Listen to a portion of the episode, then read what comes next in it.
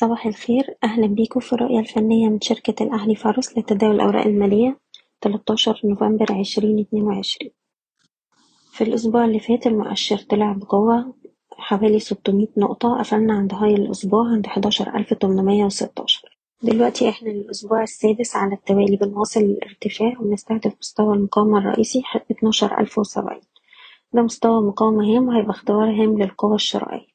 في حالة حدوث أي تراجع أقرب مستويات دعم عندنا هتكون عند الحداشر ألف خمسمية وسبعين ويليه مستوى الدعم الأهم عند الحداشر ألف مية وسبعين وده مستوى حماية الأرباح على الأجل القصير.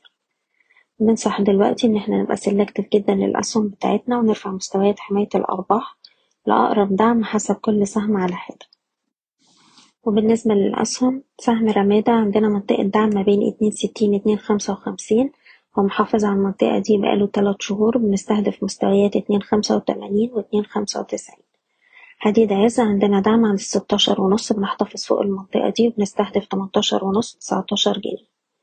سهم فوري اختبر الدعم بتاعه تلاتة جنيه وستين قرش وقدر يحافظ عليه ومن هنا ممكن نرد المستويات الأربعة أربعة خمستاشر. ابن سينا بنحتفظ فوق مستوى الجنيه سبعين وبنستهدف مستويات جنيه سبعة وسبعين جنيه خمسة وتمانين. مصر الجديدة للإسكان بنحتفظ فوق مستوى الخمسة جنيه ونص وبنستهدف اختبار ستة والستة خمستاشر.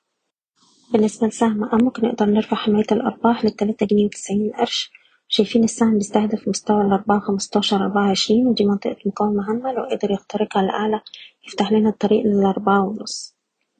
أخيرا سهم القاهرة للاستثمار والتنمية. عندنا مقاومة عند التلاتاشر جنيه والسهم قدر يخترقها جلسة الخميس وبكده هو بيستهدف مستويات الأربعتاشر والخمستاشر جنيه ونقدر نرفع مستوى حماية الأرباح لاتناشر جنيه ونص. بشكركم بتمنى لكم التوفيق. إيضاح الشركة غير مسؤولة عن أي قرارات استثمارية يتم اتخاذها بناء على هذا التسجيل. شكرا.